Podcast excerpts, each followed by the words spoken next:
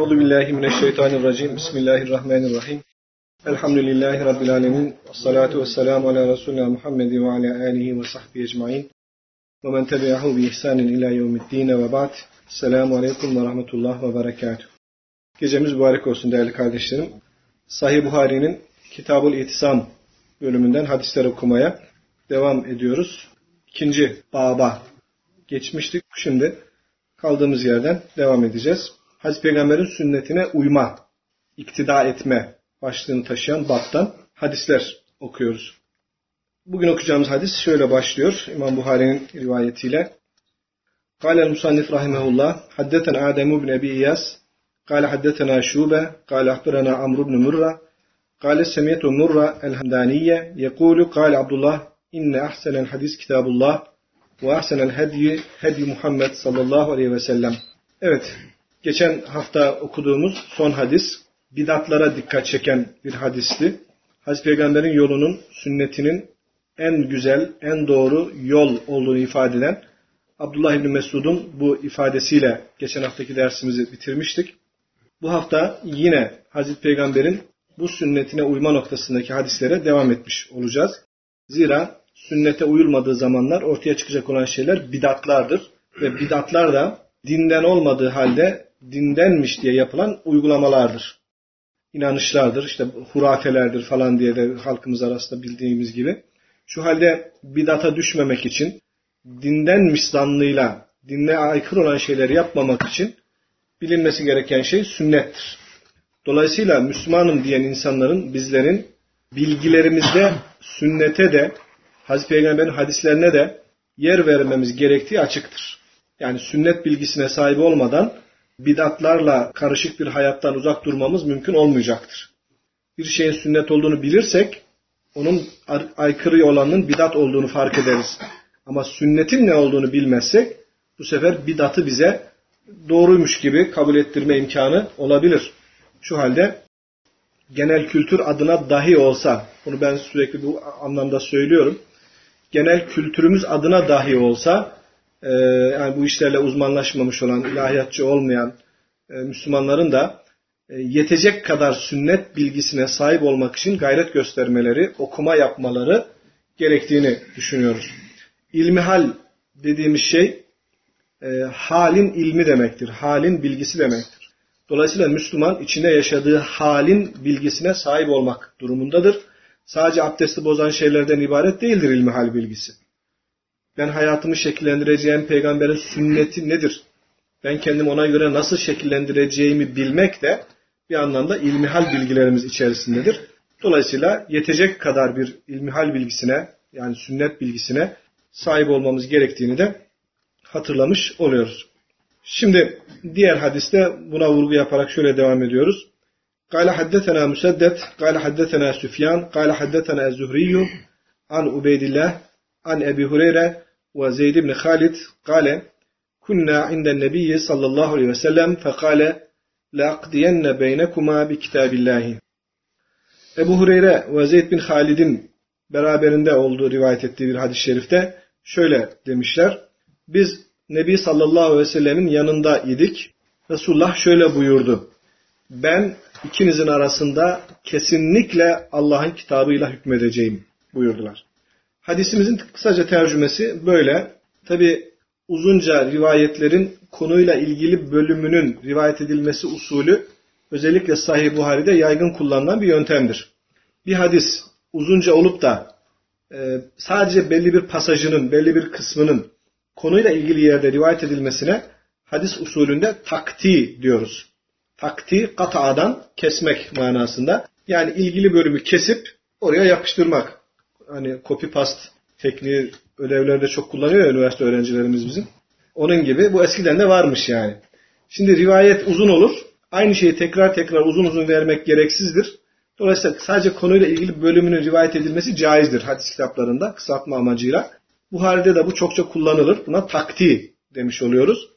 Bu hadise göre Peygamberimiz karşısında davalaşan, mahkemeye gelen iki kişi hakkında ben sizin aranızda Allah'ın kitabıyla hükmedeceğim diye vurgulu, kuvvetli bir şekilde buyurmuşlar. Bunu kime söylüyor? Önce onu bir e, görmüş olalım. adamın birisi bir işi yaptırmak için işçi tutmuş. E, tuttuğu işçi de hanımıyla zina yapmış. Allah muhafaza. Yani patronunun işvereninin hanımıyla tutulan işçi amele diyelim ki zina yapmış. Dava peygamberimize gelince ben demiş aranızda Allah'ın kitabıyla hükmedeceğim. Kadın evli olduğu için ona rejim edilmesine, e, işçi de bekar olduğu için ona da yüz sopa vurulup sürgün edilmesine karar vermiş Peygamber Efendimiz. Şimdi karar bu. Yapılan zinanın, suçun cezası böyle takdir edilmiş. Allah'ın kitabıyla hükmedeceğim dediği halde mesela rejim cezası Allah'ın kitabında Kur'an-ı Kerim'de geçmiyor. Yani zinanın cezası Kur'an-ı Kerim'de sadece celde olarak, sopa olarak geçer. Onun e, yine had cezası olarak rejimin olduğunu sünnetle sabit. Şimdi İmam Buhari, Hazreti Peygamber'in ben sizin aranızda Allah'ın kitabıyla hükmedeceğim dedikten sonra Kur'an'da olmayan bir hükümle hükmetmesinden hangi sonucu çıkarıyor? Allah Resulü'nün hükmettiği de Allah'ın kitabında hükmettiği gibidir demiş oluyor. Yani onun sünnetine bağlı olmak Allah'ın kitabına bağlı olmak derecesinde, mesabesinde görülmesi gereken bir uygulamadır. Şimdi Kur'an-ı Kerim'de bunun cezası nedir diye bakılsa celdeden başka, sopa cezasından başka bir şey bulunamayacaktır. Ama Hazreti Peygamber'in evli kadın için rejim cezası vermiş olması da Allah'ın kitabıyla hükmetme cümlesinin içerisinde düşünülüyor. O halde Allah'ın kitabıyla hükmetmenin altında var olan şey Hazreti Peygamber'in kendi hükümlerinin de ona dahil olduğudur. Tabi bununla alakalı hani Hazreti Peygamber'in her yaptığının ettiğinin vahiy olup olmadığı konusu da gündeme gelebilir, tartışılabilir. Onun buna uyan ve uymayan tarafları ayrıca vardır. Onu şimdi burada çok dallandırmış olmayalım. Fakat İmam Buhari'nin bu hadisi buraya koymuş olmasının sebebi az önce söylediğim gibi Allah'ın kitabı kaydına peygamberin hükmünün emrinin de dahil olduğunu göstermektir. Şu halde Hazreti Peygamber'in verdiği hükümler de Allah'ın verdiği hükümler gibi kendisine uyulması, e, aksine davranılmaması gereken e, hükümler, bilgiler olarak kabul edilmesi gerekiyor diye düşünüyoruz. Şimdi bazı insanlar geliyorlar bu konuda Allah'ın kitabında bir şey bulamıyoruz falan dediklerinde sahabiler eğer Allah'ın kitabını doğru düzgün okusaydın bulurdun diye mesela karşılık verdikleri vardır. Mesela e, yolcu namazı bunlardan birisidir. Seferi namazı. Biz Allah'ın kitabında korku namazını buluyoruz ama yolcu namazını bulamıyoruz diyen birisine İmran bin Husayn diyesim geliyor sahabinin ama e, olmayabilir de şu anda tam hatırlayamadım. Diyor ki eğer gerçekten okusaydın bulurdun. Allah demiyor mu ki peygamber size neyi verirse alın, neyi yasaklarsa bırakın.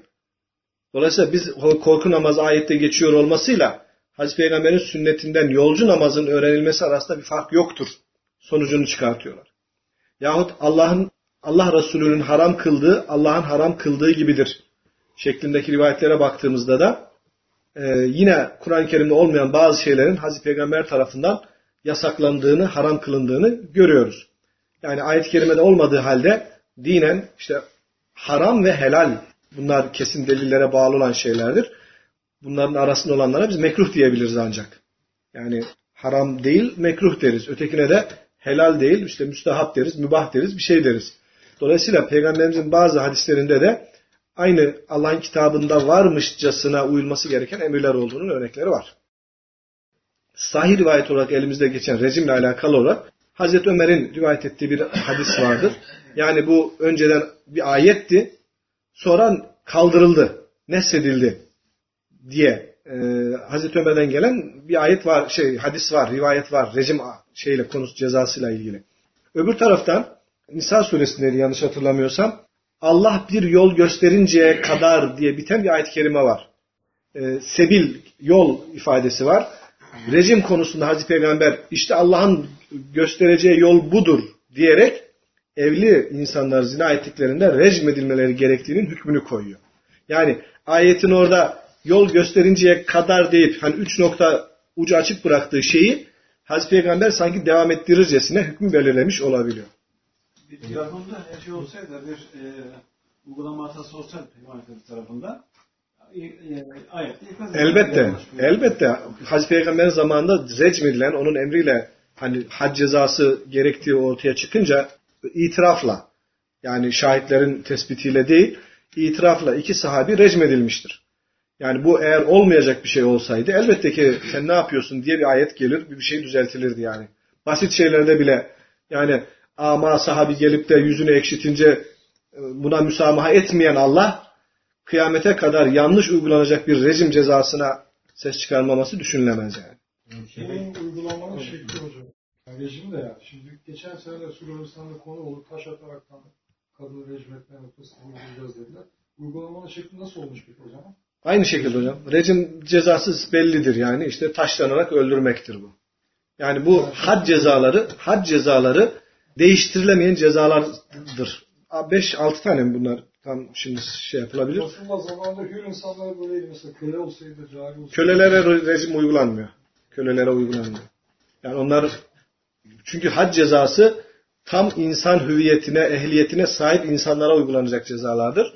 Ölüm cezası şey e, uymuyor. Yani köleler tam insan ehliyetine sahip olmadıkları için cezalar onlardan düşüyor bazı cezalar. Yarıya düşebiliyor. Akşam olarak değil, Yok öyle değil. Yani hem de yani onun rejim edilmesine bir grup insanın da tanıklık etmesi şeyi de. Yani, yani ibreti alem bir cezadır rejim cezası. Öyle gözlerden uzak, başka türlü falan öldürmek de istenmiyor. Yani e, o kadar caydırıcı olması gerekiyor ki bu cezanın zina kesinlikle bu toplumda yaşamayacak yani. İtiraf olmadıktan sonra zaten tespiti de neredeyse imkansız bir şey yani. Sahabi geliyor ya Resulallah diyor ben diyor karımı diyor bir başkasıyla beraber yakalayacağım diyor ve gidip dört tane şahit mi bulacağım diyor. Evet diyor öyle yapacaksın. E ben gelene kadar onlar işini bitirir giderler. Olabilir diyor. uygulaması da Uygulama yani şartların gerçekleşip de bu şekliyle itiraf olmaksızın bu cezanın uygulanması çok çok zor bir Ama şey. eşit buluyor şahitleri nereden buluyorsa. Bu şekildeki ispatlama insani bir duygulara müsaitlik getirmiyor yani uygulama açısından. Dolayısıyla e, gözle gördüğüm bu kötü fiili ne yapmak lazım? Rejim olmadı diyelim. O zaman taraf olarak ayırmak mı gerekiyor? Yani onu tabii o cezanın e, bir başka el vasıtasıyla yani sıradan insanlar vasıtasıyla uygulanması mümkün değil. Ona ispatlayamayacaksın. ispatlasanız bile diyelim ki uygulanamıyorsa o zaman onun e, başka türlü bir şekilde caydırılmasına yönelik neler yapılabilir belki onu düşünmek lazım. Yemin var ya beş kere, dört beş kere yemin edecek. Yani yeminle ya da tövbeyle bu iş Müdahale falan mı? Hayır eğer o ceza uygulanamıyorsa artık şey yok kalmıyor. Kişinin kendi tövbesine kalan bir şeydir yani. Evet yani ama diyelim ki insan insan şimdi Hazreti Peygamber zamanında da böyle şaibeli bir takım durumlar ortaya çıkıyor. Hazreti Peygamber e, Sevde annemizin akrabalarından birisiyle alakalı bir nesep davası geliyor. Yani bu çocuk kime aittir? Hukuken Hazreti Peygamber el veledu lil firaş kaidesi gereğince çocuk hangi daha doğrusu kimin yatağında dünyaya gelmişse ona aittir. Hukuken nesep ona aittir. Hazreti Peygamber çocuğu yatağın sahibi babaya nispet ediyor. Ona nispet edilince Sevde validemize mahrem olması gerekiyor. Ama Sevde annemize diyor ki bu çocuktan uzak dur diyor. Babaya hukuken nispet ediyor ama yani Aslında Allah bilir diyor yani. kendi de biliyor. Ama deliller öyle göstermediği için öyle karar vermek durumundasınız. Yani vicdanınız, kanaatiniz başka türlü de olsa e, zahiri delillere göre hükmetmek durumundasınız. Yani o çocuk babaya ait olsa Sevde annemize mahrem olması gerekiyor. Yani büyüdüğü zaman erkek çocuk bir sakınca olmaması gerekir. Ama ona diyor ki uzak dur diyor. Uzak dur diyor. Evet, e, bu rivayetin ve benzeri rivayetlerin sünnete uymayla alakası dediğimiz gibi Kitabullah kavramı içerisine Buhari'nin en azından Buhari'ye göre diyelim ki kitabımıza göre sünnet-i Resul'ün Hazreti Peygamber'in sünnetinin de Kitabullah kavramı içerisinde düşünülmesi gerektiğidir. Kur'an değil bakın. Ayet-i Kerime orada diyor. Allah ve Resulü sizin için bir şey hükmettiği zaman sizde onun için dönüş yoktur. diyor. Evet, bir tercih hakkı yoktur. Yani o Zeynep binti Cahş'ın evliliğiyle alakalı olarak orada bir Hazreti zaman Zeynep şey de var. Hazreti Zeynep de önce kabul etmemek istemiş. Fakat emir gelince tercih hakkı yok diye evlenmeyi kabul etmişti Zeyd bin Harise ile. قال حدثنا محمد بن سنان قال حدثنا فليح قال حدثنا هلال بن علي An Ata İbni Yeser'in an Ebi Hureyre enne Resulallah sallallahu aleyhi ve sellem kale.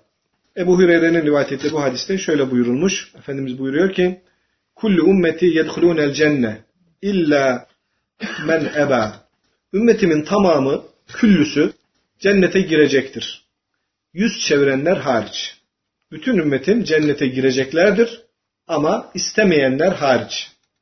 Galu dinleyen sahabiler dediler ki ya Resulallah وَمَنْ يَعْبَى Kim istemez ki, kim yüz çevirir ki, cennete girmekten kim geri durur ki? Kale, şöyle buyurdular. Men eta'ani dehalel cenne. Bana itaat eden cennete girecektir. Ve men asani fakat eba. Bana isyan eden, bana karşı gelense istememiş demektir. Cennete girmekten yüz çevirmiş demektir. İstemeyenler, yüz çevirenler dışında herkes cennete girecektir. İstemeyenler kimlermiş? Hazreti Peygamber'in sünnetinden uzak yaşayanlar. Sünnete uymayanlar demek ki bunlar cennete girmek istemiyorlar. Cennet lazım değil diyenler böyle insan doğurduk yere diyemez tabii ki. Ben cennete gitmek istemiyorum demeyecektir. Ama sünnete uygun yaşamıyorsa, sünnete karşı çıkarak yaşıyorsa o dolaylı olarak cennete gitmek istemeyen bir adam durumuna gelmiş olacaktır.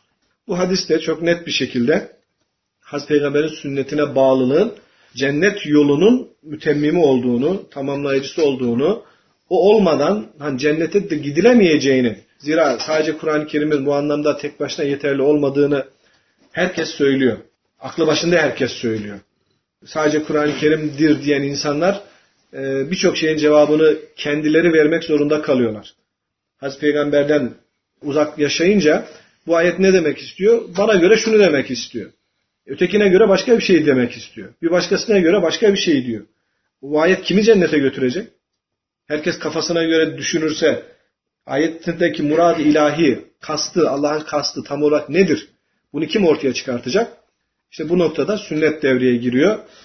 Sünnete uyan, sünnete bağlı kalan insanlar için bu anlamda bir sorun yok. Aslında kolay olan şeydir e, sünnete uygun yaşamak. Birçok şeyi Peygamberimiz bizim adımıza halletmiş.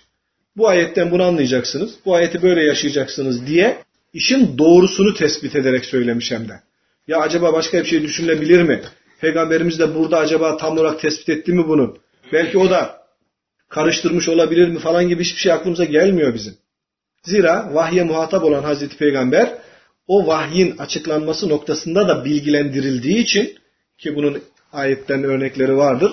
لِتُبَيِّنَ لِلنَّاسِ مَا نُزِّلَ اِلeyhim ayeti yani biz insanlara ne indirildiğini açıklayasın diye sana bunu gönderiyoruz diyor.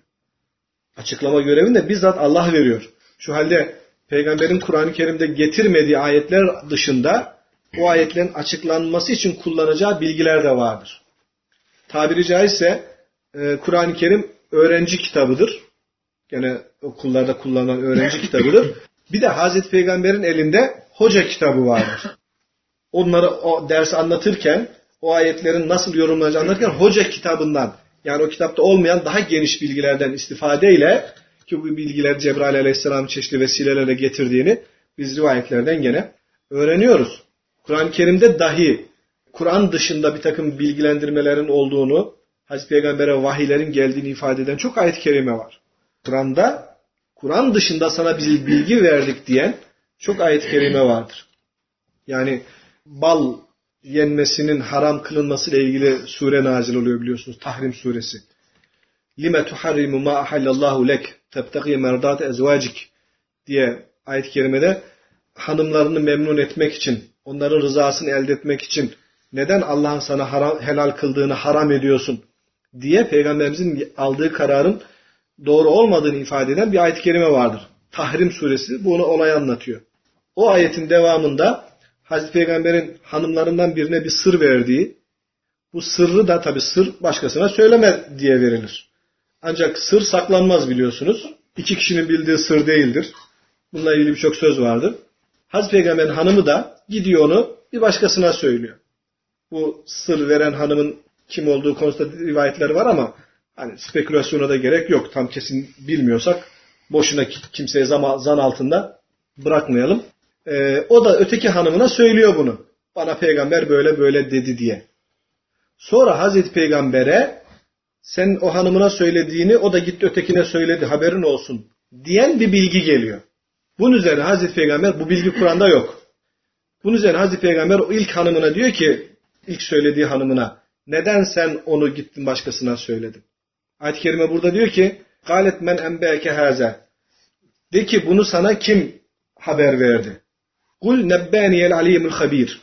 De ki alim ve habir olan, her şeyi bilen, her şeyden haberdar olan bildirdi. Şimdi ayet-i kerime peygamberin hanımının ötekine bir şey söylediğini peygamberimize bildirmiş, bildirdiğini ifade ediyor. Ancak Kur'an-ı Kerim'in hiçbir yerinde ey peygamber sen hanımına demiştin ya böyle böyle o da gitti bunu ötekine söyledi bak haberin olsun diyen bir ayet-i kerime yoktur. Ama ayet diyor ki bunu sana Allah bildirdi. Yani bu ayet tek başına ne ifade ediyor? Hazreti Peygamber'e Kur'an'da olmayan bir takım bilgilerin de gelmiş olduğunu gösteriyor. Bunun dışında başka şeyler de var. Yani Kureyzaoğullarının yurduna, baskına gidilirken hurma ağaçlarının kesilmesiyle alakalı bilginin de Allah tarafından yani hurma ağaçlarını kestirmenin bizim bilgimiz dahilindedir diyor mesela ayet-i kerimede bu var. Ama ağaçları kestir diyen bir ayet-i kerime yoktur mesela. ve bu ve benzeri örnekler gösteriyor ki Peygamberimiz Kur'an dışında da vahye muhatap oluyor, bilgileniliyor, bilgilendiriliyor. İşte namaz kıl diyor, namazın nasıl kılınacağı. Abdest al diyor, abdestin nasıl alınacağı. Şu vakitlerde beş vakit namaz kıl deniliyor. Beş vakit namazın hangi vakitler olduğunu hep Cebrail aleyhisselam geliyor, öğretiyor. Bunlar Kur'an-ı Kerim'de böyle detaylarla verilen bilgiler değiller. Şu halde Kitabullah dediği zaman yani Allah'ın kitabıyla hükmedeceğimde olduğu gibi Allah'ın kitabı sadece Kur'an-ı Kerim demek değildir bu, bu anlayışa göre. Hazreti Peygamber'in hani levh-i mahfuz mu dersiniz veya Hazreti Peygamber'in kendisinde var olan bilgileri de dahil ederek Allah'ın kitabı şeklinde bir tanımlama mı yaptığını söylersiniz. Bunların hepsi de makul yorumlar olarak görülebilir. Yani Hazreti Peygamber'in sünneti de Kitabullah kavramı içerisine dahil edilmektedir. Bütün bunlardan dolayı değerli kardeşlerim İslam alimlerinin büyük bir kısmı vahyi ikiye ayırmışlardır. Bir tanesi Kur'an-ı Kerim'i ifade eden vahiy metlüv kavramı, okunan, tilavet edilen, yani Kur'an-ı şeyde e, namazda kıraat edilen, okunmasıyla ibadet yapılan vahiy anlamında Kur'an-ı Kerim'dir bu. Bir de vahyi gayri metlüv demişlerdir.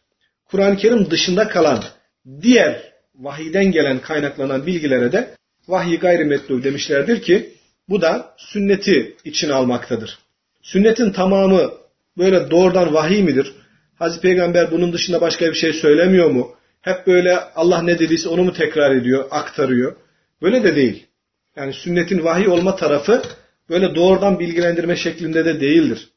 Doğrudan vahiy olduğunu ifade eden birçok ayet şey var. Rivayetimiz var. Hem, hem Kur'an-ı Kerim'de örnekleri var dedik. Hem de hadislerde Cebrail geldi bana şöyle dedi diyor. Değil mi? Cebrail geldi şunu öğretti. Cebrail geldi bunu söyledi. Melek geldi şunu söyledi. Veya onun dışında kutsi hadisler var. Kutsi hadisler zaten doğrudan Peygamberimizin Allah'tan aldığı nakil, naklettiği hadisler olmuş oluyor. Veya bana şunu yapmak emredildi diye başlıyor Peygamberimiz söze.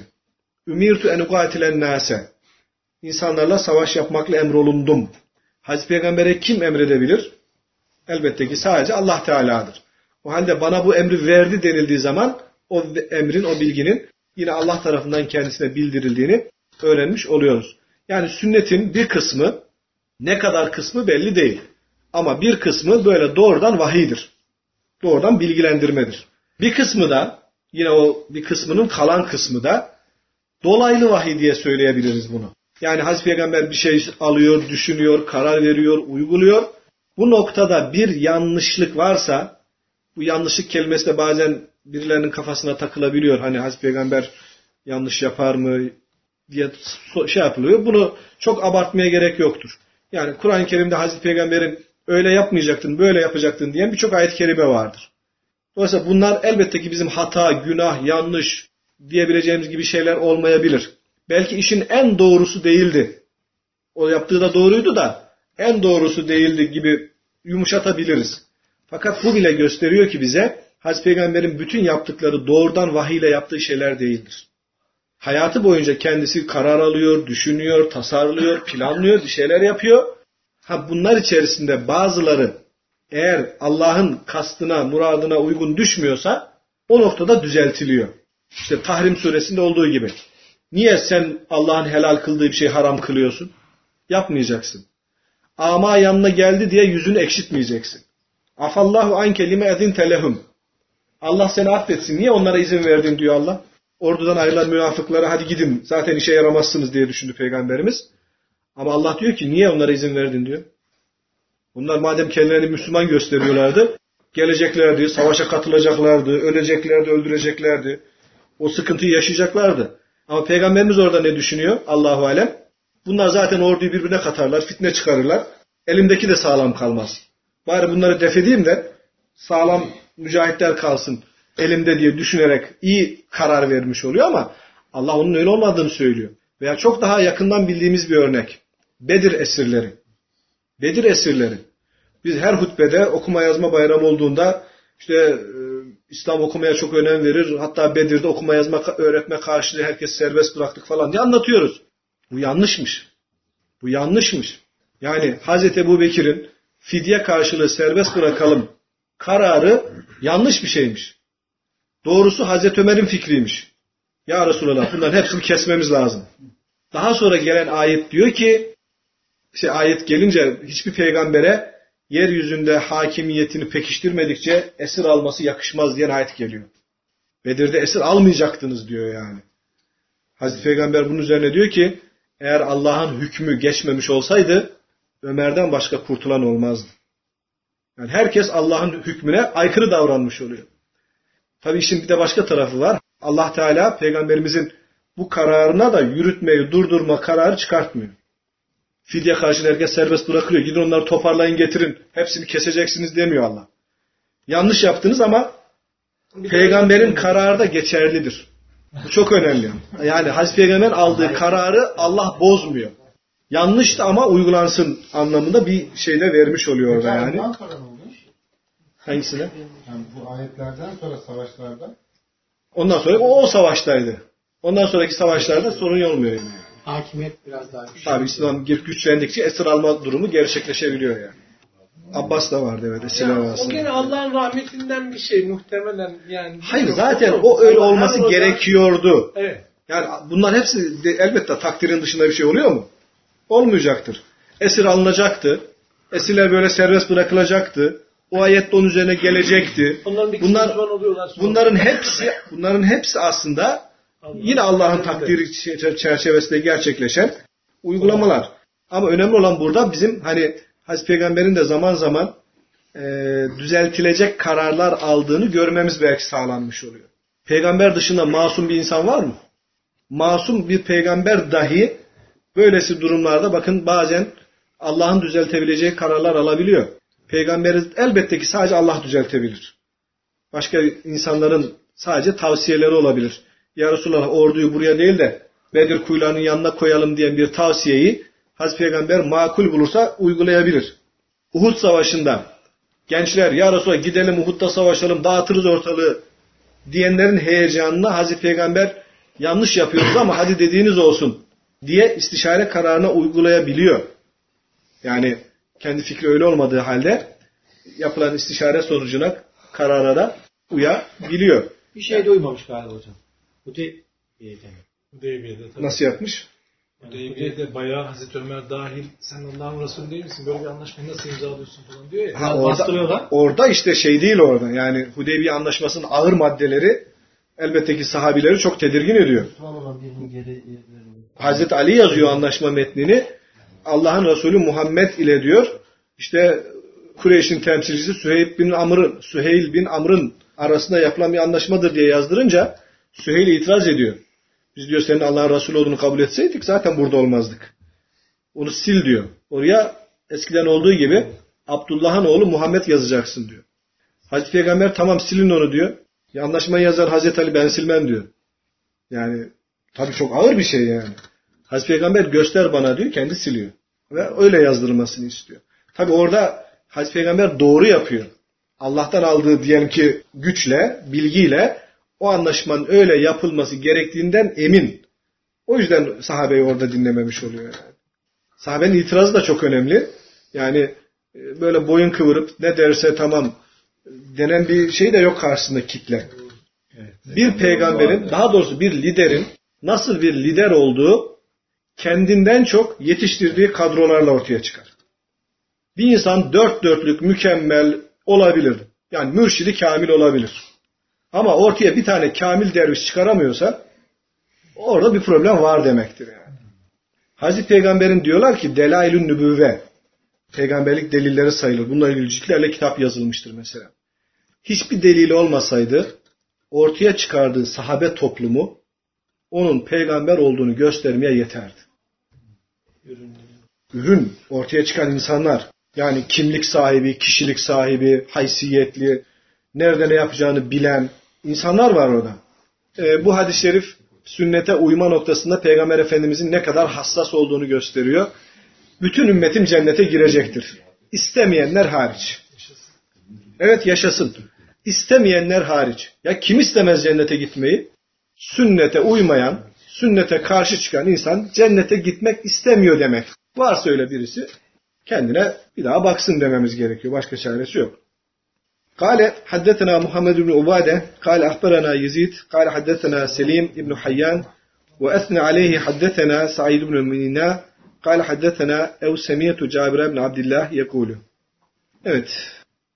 Cabir bin Abdullah'tan rivayet ediliyor. Cabir Mıksır'ın sahabeden, çok hadis rivayet eden yedi sahabeden birisidir.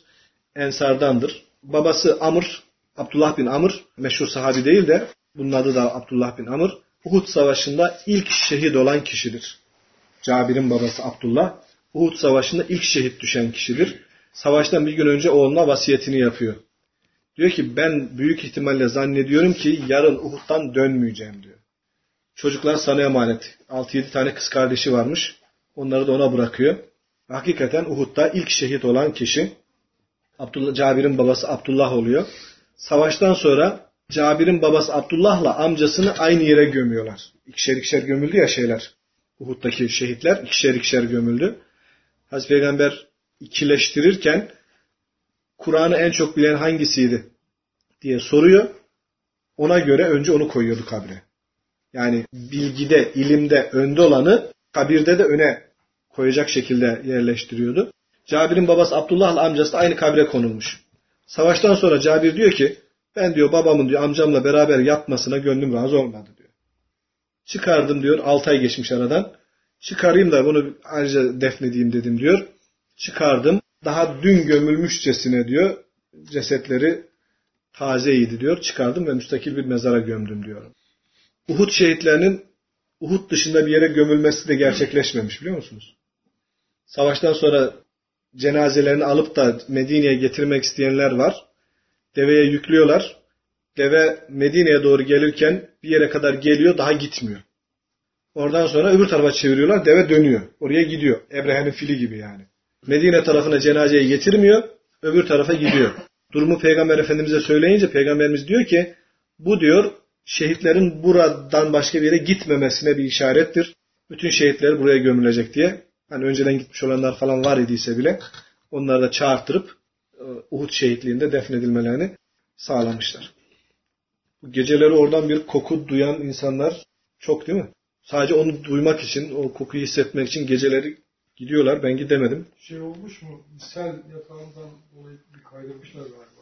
Zamanla selden dolayı çıkan cenazeler olmuş. Onları tekrar daha güvenli bir yere defnetmişler.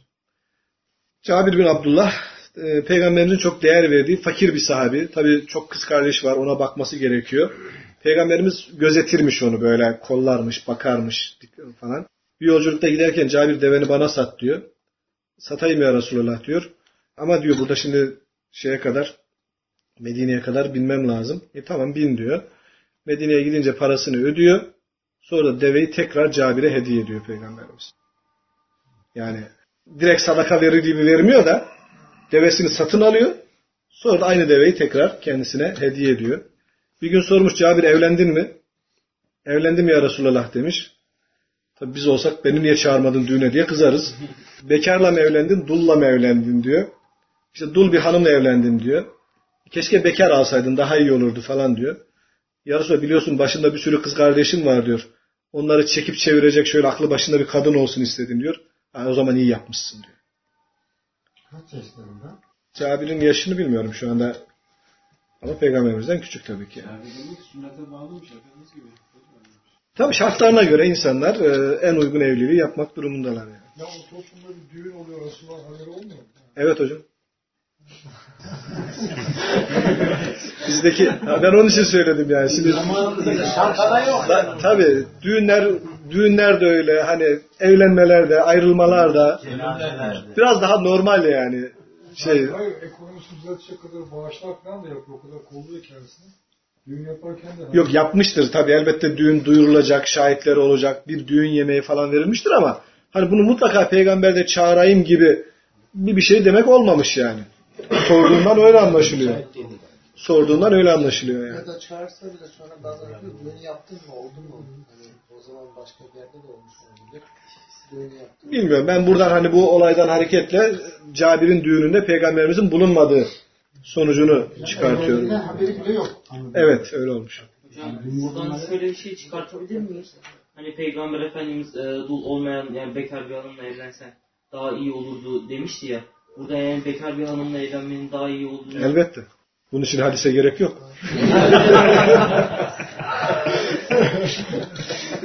Psikolojik olarak mesela önceki hanımda Tabii bu- bunların peygamberimizin evlilik hayatının tamamı aslında gene şeyin e, vahyin programında gerçekleşen şeyler. Yani çok evliliğinin, ilk evliliğinin öyle olması, o Hazreti Hatice annemiz vefat edinceye kadar ikinci bir evlilik yapmaması, hayatının en e, genç ve dinç dönemini kendinden çok büyük bir kadınla tek eşli olarak geçirmiş olması, sonraki çok evliliğine oluşturulacak şeylere, karalamalara karşı en önemli şeydir.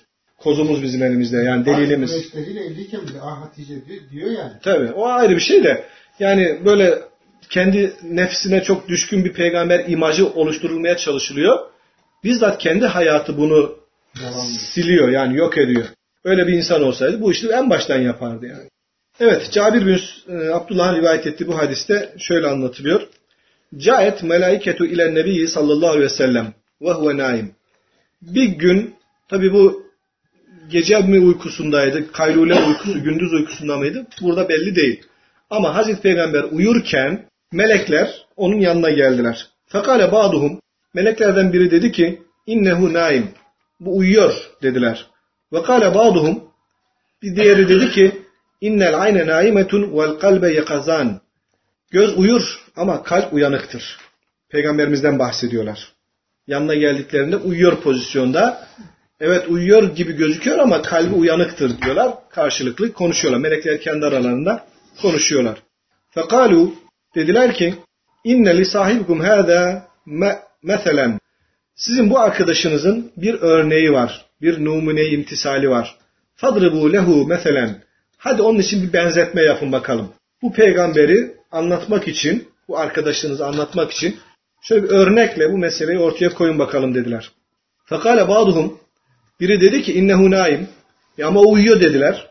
Fakale ba'duhum innel ayne naimetun vel kalbe yakzan. Göz uyur ama kalp uyanıktır dediler. Yani konuşacağız da bu bizi duyacak mı, duymayacak mı diye kendi aralarında da bir tartışmaları var. Göz uyur ama kalp uyanıktır. Sen konuş anlamında belki uyarılmış oldu. Fekalu dediler ki meseluhu kemeseli raculin bena daran. Bu şahsın, bu arkadaşımızın örneği bir ev yapan, dar, Türkçe'de daire diye kullanıyoruz ya, o da oradan geliyor aslında. Dar, ev demek. Böyle insanın barınağı, işte meskeni anlamında. Bir ev yapan bir adama benziyor bu. Ve ceale fiha me'dubeten. Evi yaptıktan sonra bir davet, böyle bir ziyafet verdi. Ve ba'de dayen ve bu davete birilerini çağırmak için davetçiler gönderdi. Davetiyeler gönderdi, öyle diyelim. Yani eskiden kart olmadığı için insanlar köylerimizde hala öyle değil mi? Köyün delikanlısı veya iki kız kardeşle erkek ve kız kardeş ev ev dolaşırlar. İşte düğünümüz var, şunumuz var diye. Oku diyorlar buna. Okuya çıkmak. He, okuya çıkmak diyorlar. Bir ev yaptırmış. Bu evde bir ziyafet düzenlemiş ve bu ziyafete civardakileri davet etmek için davetçiler, davetiyeler gönderen birisine benziyor. Femen ecabet da'iye dehalet dara. Kim bu davetçinin gönderilen davetiyeye uyarda icabet ederse eve girer. Ve ekele minel ve o ziyafetten yer. Ve men lem yücib et da'iye gönderilen davetçiye icabet etmeyen, kabul etmeyen ise lem yedhulid dara ve lem ye'kul minel me'dubeti. Eve giremez ve o ziyafetten de yiyemez. Böyle bir örnekle anlattılar. Fekalu ötekiler dediler ki evviluha lehu yefkahha bu yaptığınız benzetmeyi bir tevil edin. Bir açıklayın da iyice anlasın. Yani melekler kendi aralarında konuşuyorlar. Bu şahıs şuna benziyor falan. Peki bu benzetmede kim nereye gidiyor? kim neye benziyor? Peygamberimiz. Peygamberimiz. İyice yorumlayın da örneği anlasın, kavrasın dediler.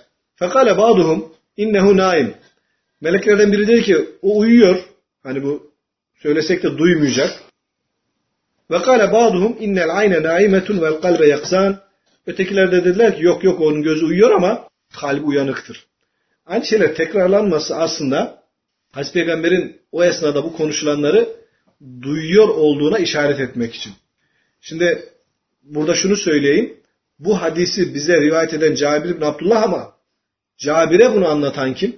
Peygamberimiz. Yani o olay yaşanırken Peygamberimiz uyurken Cabir oradaydı. Melekler geldi konuştular. Peygamberimiz uyuyor. Cabir dinliyor değil. Peygamberimiz bu hadisi, hadiseyi diyelim ki yaşıyor. Uyanınca, uykusundan uyanınca Cabir'e anlatmış. Melekler geldiler, böyle böyle konuştular. Birisi beni uyuyor zannetti. Ötekiler dediler ki gözleri uyuyor ama kalbi uyanıktır. Bakın bunları Peygamberimiz hepsini tek tek ne yapmış? Duymuş, dinlemiş, iyice kavramış. Yoksa bir başkası dışarıdan şahit olarak hadiseyi anlatıyor değil. Fekalu dediler ki, şimdi bu benzetmeyi, bu örneği yorumlarken dediler ki, Feddaru el cennetu.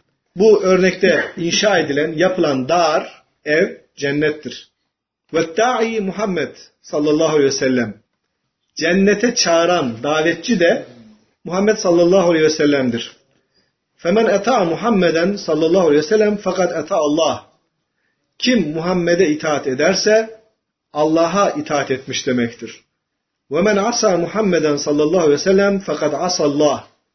Kim de peygambere Muhammed'e isyan ederse, karşı çıkarsa Allah'a isyan etmiş demektir. Ve Muhammedun farraka beynen nas. İnsanlar arasını ayıran Muhammed'dir. Yani inananla inanmayanı, kabul edenle kabul etmeyeni, itaat edenle isyan edeni ayıran Hazreti Peygamber'dir. Allah karşısında bütün insanlar kul. Herkes Allah yarattı. Ama Allah'a itaat edip etmeyen ayırt eden, o o noktada kriter oluşturan Hazreti Peygamber'in olduğunu ifade etmiş oluyor. Peygambere itaat eden cennete yapılan davete icabet etmiş demektir. Peygamberin davetini kabul etmeyen, getirdiği davetiyeyi almayan ise o ziyafete gidip eve gidip e, ziyafetten yiyecek insanlar değillerdir diyerek böyle bir benzetmeyle peygamberimizin durumunu e, izah etmişler. Biraz önceki bütün ümmetim cennete girecektir istemeyenler hariç hadisiyle birebir örtüşüyor. Burada da peygamberimiz davetçi durumunda cennete çağırıyor. Onun davetine uyanlar, icabet edenler cennete girip o ziyafetten yiyecekler. Ama ben bu davete gelmem, ben seni tanımıyorum diyen insanlarsa cennete girip de o ziyafetten istifade edemeyeceklerdir. Evet bu da şimdi mesela ilginç bir hadis. Peygamberimiz rüyasında, uykusunda gözler uyuyor ama kalbi uyanıkken aldığı bir bilgi aslında. Yani kendi sözü falan değil. Meleklerin yaptığı bir bilgilendirme. Dolayısıyla böyle bir e, bilgiyi bize nakletmiş oldu. Hazreti Peygamber'in kalbinin uyanık olması başka yerlerde de karşımıza çıkıyor. Uykusunda sesi duyulacak kadar uyudu ama kalkıp abdest aldı, almadan namaza kalktı diyorlar. Bazı rivayetlerde. Hazreti Peygamber'in uyuduğunu duyuyorlar. Sesi de geliyor, uyku sesi de geliyor. Ama kalktığında abdest almadan namaza gitti diyorlar. Bir defasında Hazreti Ayşe herhalde merak etmiş olmalı ki Ya Resulallah yattığınızda uyuyor musunuz sözüne aynı bu meleklerin sözü gibi cevap veriyor Peygamberimiz. Gözlerim uyur ama kalbim uyumaz şeklinde bir cevabı var. Tabi buradan hareketle birçok insan da bunu düşünebilir. Yani benim de kalp gözüm açıktır falan deyip e, uyuyup uyuyup kalkıp e, Kalbi temiz olanlar çok. Onlara Kalbi temiz olanlar çok da. O ayrı. Yani bu peygamber dışında bir başkası için geçerli olan bir şey değildir. uykunun abdesti bozmamasının kendi çapında hükümleri vardır. İlmihal kitaplarımızda bunlar yazıyor da detaylı olanlarında. Yani uyku bizatihi abdesti bozan bir şey değildir. Uyku halinden dolayı ortaya çıkması kuvvetle muhtemel bazı şeyler o abdesti bozar. Yani onun uyuyor gözüküyor olması bütün kendini kaybettiği e, anlamına da gelmiş değil. Ama bu her zaman böyle mi? Değil. gün namazı kaçırdı. Sabah namazını kaçırdı, kaçıracak kadar uykuya dalabiliyorlar yani. E, Bilal'e güveniyorlar biliyorsunuz. Ben uyandırırım diyor Hazreti Bilal. Uyanınca Bilal ne oldu diyor. Seni uyandırmayan beni de uyandırmadı diyor. Ama onun da yani örnek olması için muhtemelen. Elbette Yani namaz kaçınca ne olacak? Yani onlar var. Bu rivayetin devamında İmam Buhari destek bir rivayet öyle tarif edeyim. Mütabi diyoruz biz ona. Rivayette bazı başka bir tarikten, başka bir senetten ek bir bilgi gelmişse onu da koymak suretiyle hadisin anlaşılmasına katkı sağlamaya çalışıyor. Diyor ki Tabahu Kuteybe an Neysin an Halid an Said ibn Ebi Hilal an Cabir'in haraca aleyna en nebiyyü sallallahu aleyhi ve sellem. Başka bir tarikten gelen rivayetinde Cabir söze Peygamber sallallahu aleyhi ve sellem yanımıza çıktı ve şöyle dedi diye hadise başlamış. Şimdi az önce dedim ya Cabir orada yoktu. Peygamberimiz uykusunda öğrendiği bu bilgileri mescide gelip insanların huzuruna çıktıktan sonra anlattı. Zaten o rivayet başka bir tarikte geçiyor. Peygamber yanımıza geldi ve dedi ki işte melekler geldiler böyle böyle konuştular diye olayı kendilerine nakletmiş. قال حدثنا أبو نعيم قال حدثنا سفيان عن الأعمش عن إبراهيم عن همام عن حذيفة قال يا معشر القراء استقيموا فقد سبقتم سبقا بعيدا فإن أخذتم يمينا وشمالا لقد ضللتم ضلالا بعيدا Huzeyfe bin El-Yaman radıyallahu anh'un rivayet ettiği hadis-i şerif, meşhur sahabi yine Huzeyfe, Peygamberimizin sırdaşı olarak tanıdığımız özel bilgilere, gizli bilgilere sahip bir sahabi olarak. Gizli derken yani e, işte münafıkları tanıyor olması falan gibi e, bir takım bilgilere sahipmiş. Diyor ki ya maşaral kurra ey alimler topluluğu. Burada kurra e, sahabi efendimizin dilinde kurra sonraki ilimler çerçevesinde ortaya çıkan kurra demek değil. Bugün günümüzde kurra dediğimiz zaman aşere takrib okumuş, bütün kıraat vecihlerini bilen, vücuh çevirerek okuyabilen değil mi? Hafızlar böyle bir ayeti e, evirir çevirirler ya. Bunu bilmeyenler de takıldı geçemiyor derler. Yani aynı ayeti tekrar tekrar okuduğundan dolayı herhalde ilerisinde unuttu e, zannederler. Halbuki kıraat e, vecihlerini gerçekleştirmiş oluyor. Bugün kurra dediğimiz zaman sadece Kur'an-ı Kerim kıraat ilmine vakıf olan diye anlıyoruz. Halbuki kurra, kari, tekil olanı kari, çoğulu kurra geliyor. Kari alim demektir. Okumuş adam demektir. Yani kelimeyi biraz daha e, sadeleştirecek olursak okumuş adam demektir. Bilgin demektir. Yani imamlık yapacak olan insanlar arasında ilk bu işe layık olan kimdir? Akrauhum. En, en kari olanı. Yani Kur'an-ı Kerim en güzel okuyanı diye bugün o hadisi öyle yorumluyorlar. İşte sesi düzgünse, kıraati düzgünse sen kıldır diyorlar. Halbuki öyle değil. Akrauhum en alim olan demektir.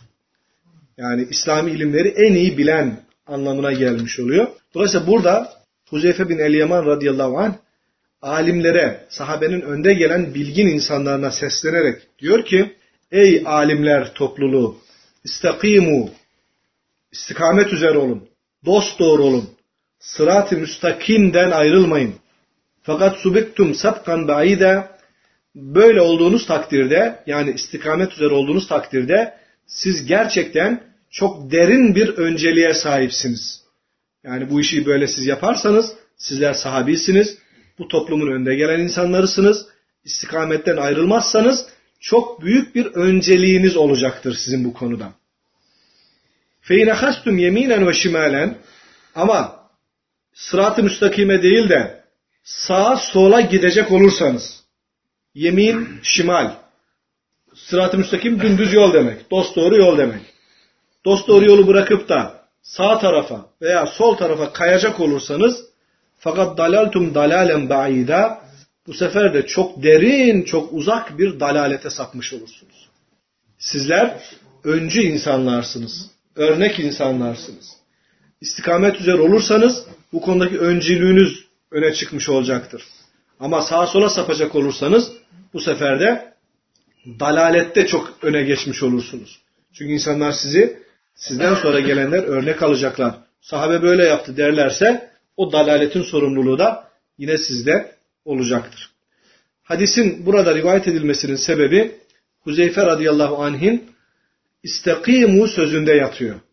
Alimlere seslenerek diyor ki istikamet üzere olun. Ki öncülüğünüz, önde gelen değeriniz büyük olmuş olsun. İstikamet neyle olacaktır? Kur'an ve sünnete bağlılıklı olacaktır. Kur'an ve sünnete bağlı kalarak istikamet üzere olun. Eğer bunlardan vazgeçerseniz, bunları dikkate almazsanız sağa sola yalpalarsınız. Ondan sonra da böyle derin bir dalalete düşmüş olursunuz. İstikametin Kur'an sünnet birlikteliğiyle olacağına İmam Buhari bu Huzeyfe'nin sözünü delil göstermiş oluyor. Yani sadece Kur'an-ı Kerim demek değildir istikamet. Yani kul amentu billah thumme istakim. Değil mi? Bana öyle bir şey söyle ki diyor sahabi geliyor. Başka hiç kimseye sormayayım. Allah'a inandım de sonra da dost doğru. Hadi iki kelime. Kimseye bir şey sormaya gerek yok. Allah'a inandım de sonra dost doğru ol bakalım. Nasıl olacaksan. İşte bunu gerçekleştirmek aslında çok şeyi bilmeye bağlı olduğundan dolayı Hazreti Peygamber yani öyle bir soruya öyle bir cevapla cevap veriyor ki e, dışında hiçbir şey kalmıyor. İstikamet dediğimiz şey. İşte sırat-ı müstakim her neyse yani bildiğimiz çerçevede her neyse istikamet o yolda yürümek demektir. Tasavvufta keramet çok önemli bir şeydir. Yani keramatül evliyay hakkun. Bizim akaid kitaplarımızda da yer almıştır. Evliyanın kerameti haktır. Böyle olağan dışı bir takım şeyler zuhur etmesi yadırganacak bir şey değildir bize göre, İslam alimlerine göre de, Müslümanlara göre de. E, fakat derler ki en asıl keramet, en önemli keramet dost doğru Müslüman olabilmektir. Suda yürümek, havada uçmak, bunlar insan için olağanüstü şeyler ama keramet olarak görülmemesi gereken şeylerdir. Bir insan havada uçabilir mi? Yetenek yarışmalarında falan görüyoruz. Yani neler yapıyorlar. Eğer bunlar keramet olacaksa Müslüman olmayan insanlar bile bir sürü keramet gösteriyorlar. Ama asıl olan istikamet sahibi olup doğru düzgün Müslüman olarak yaşayabilmek keramettir. Onu sağlayabilmek. Sapmadan hani bir ip cambazının ipte giderkenki doğruluğunu düşünün. O sıratı müstakim onun ipidir. O ipte kaldığı sürece karşıya geçebilirsin. Asıl keramet o. Asıl keramet o ipte yürümektir. Sağa sola adımını atarsan düşer gidersin. Dalalete düşmüş olursun. Sapıklığa düşmüş olursun. Dolayısıyla Huzeyfe'nin bu sözünden Kur'an'a ve sünnete bağlı kalarak ancak müstakim kalabilme, istikamet sahibi olabilmenin olacağı anlaşılmış oluyor. İstikamet meselesini aslında biraz şey yapmak lazım. Yani araştırmak lazım, okumak lazım. Başta Fatiha suresindeki ihtinas sıratel müstakim ayetinin tefsiri olmak üzere Hud suresindeki festakim kema ümirte ayetinin tefsiri olmak üzere evlerimizdeki var olan tefsir kitaplarından bunlara biraz bakarsak zannediyorum biraz daha besleyici olacaktır. Bu iş bu iş ciddi bir iş. Kişinin hani istikamet olmayanın namazı, orucu, haccı, sadakası. Tabii hiçbir şey yani işletim sistemi bozuk olanın ortaya doğru bir şey koyma imkanı olmayacaktır yani. Peki velhamdülillahi rabbil alemin.